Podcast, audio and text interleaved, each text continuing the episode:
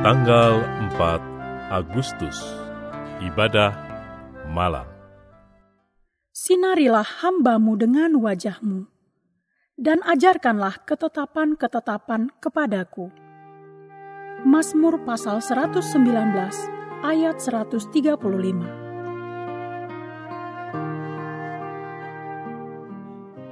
Mari meneduhkan, menenangkan, dan memusatkan hati kepada Tuhan. Saat hening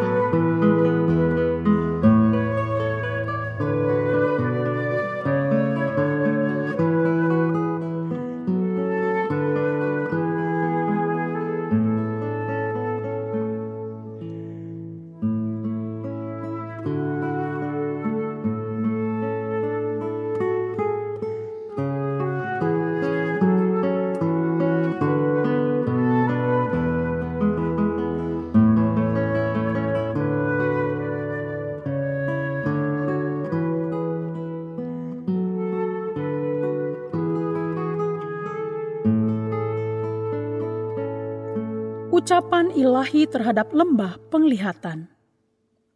Ada apa gerangan? Maka semua pendudukmu naik ke sotoh-sotoh rumah. Hai kota yang bersorak riuh dan ribut gembira. Hai negeri yang beria-ria. Orang-orangmu yang mati terbunuh, bukanlah terbunuh oleh pedang, dan bukanlah gugur dalam peperangan. Semua panglimamu sama-sama melarikan diri mereka tertawan tanpa tembakan panah. Semua orang-orang kuatmu sama-sama tertawan. Biarpun mereka sudah lari jauh-jauh. Sebab itu aku berkata, Buanglah mukamu terhadap aku. Biarkanlah aku menangis dalam kepahitan. Janganlah mendesak aku, supaya aku terhibur mengenai kebinasaan putri bangsaku. Yesaya pasal 22 ayat 1 sampai 4.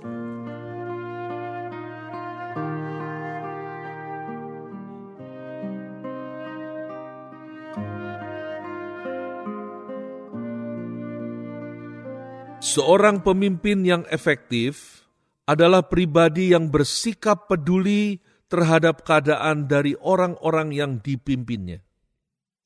Acap kali seorang pemimpin karena merasa dirinya sangat penting, maka ia hanya mampu melihat kepada dirinya sendiri dan memuja keberhasilan yang telah ia capai. Alhasil, ia tidak lagi memiliki kepekaan terhadap keadaan di sekitarnya dan bersikap tidak peduli terhadap orang-orang yang ia pimpin. Suatu sikap yang keliru dan yang akan mengakibatkan keterpurukan.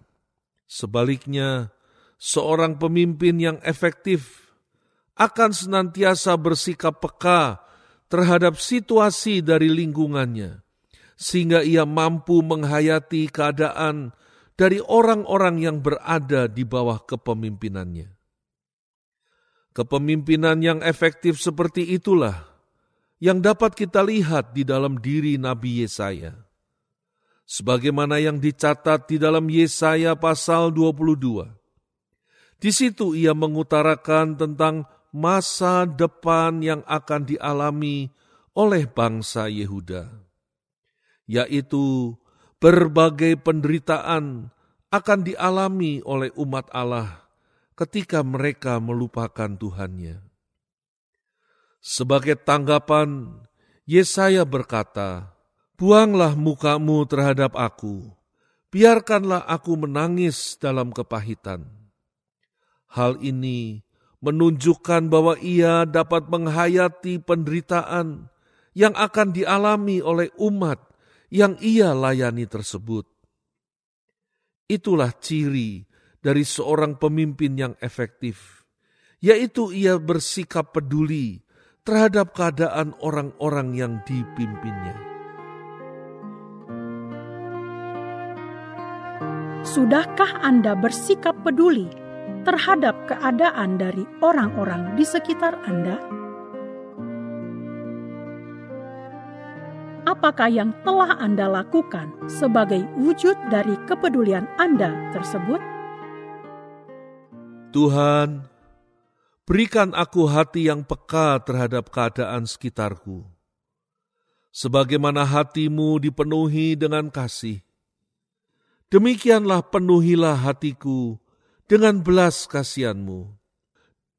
Supaya dengan demikian, aku hidup mencerminkan pikiran dan perasaanmu terhadap semua orang yang ada di sekitarku.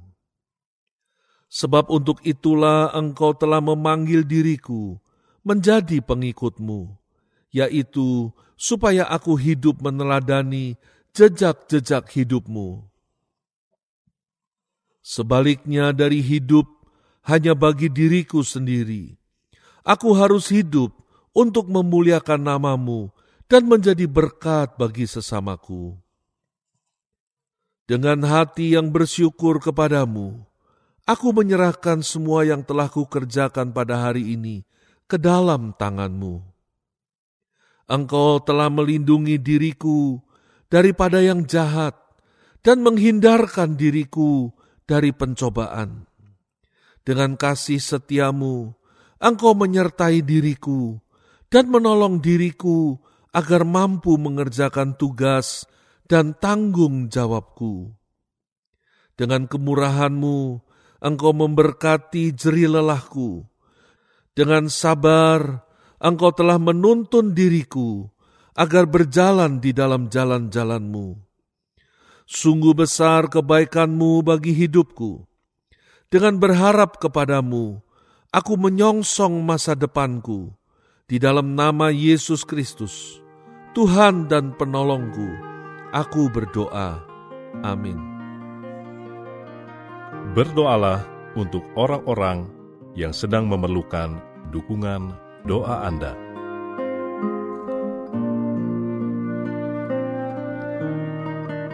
Mari meneduhkan hati di hadapan Tuhan.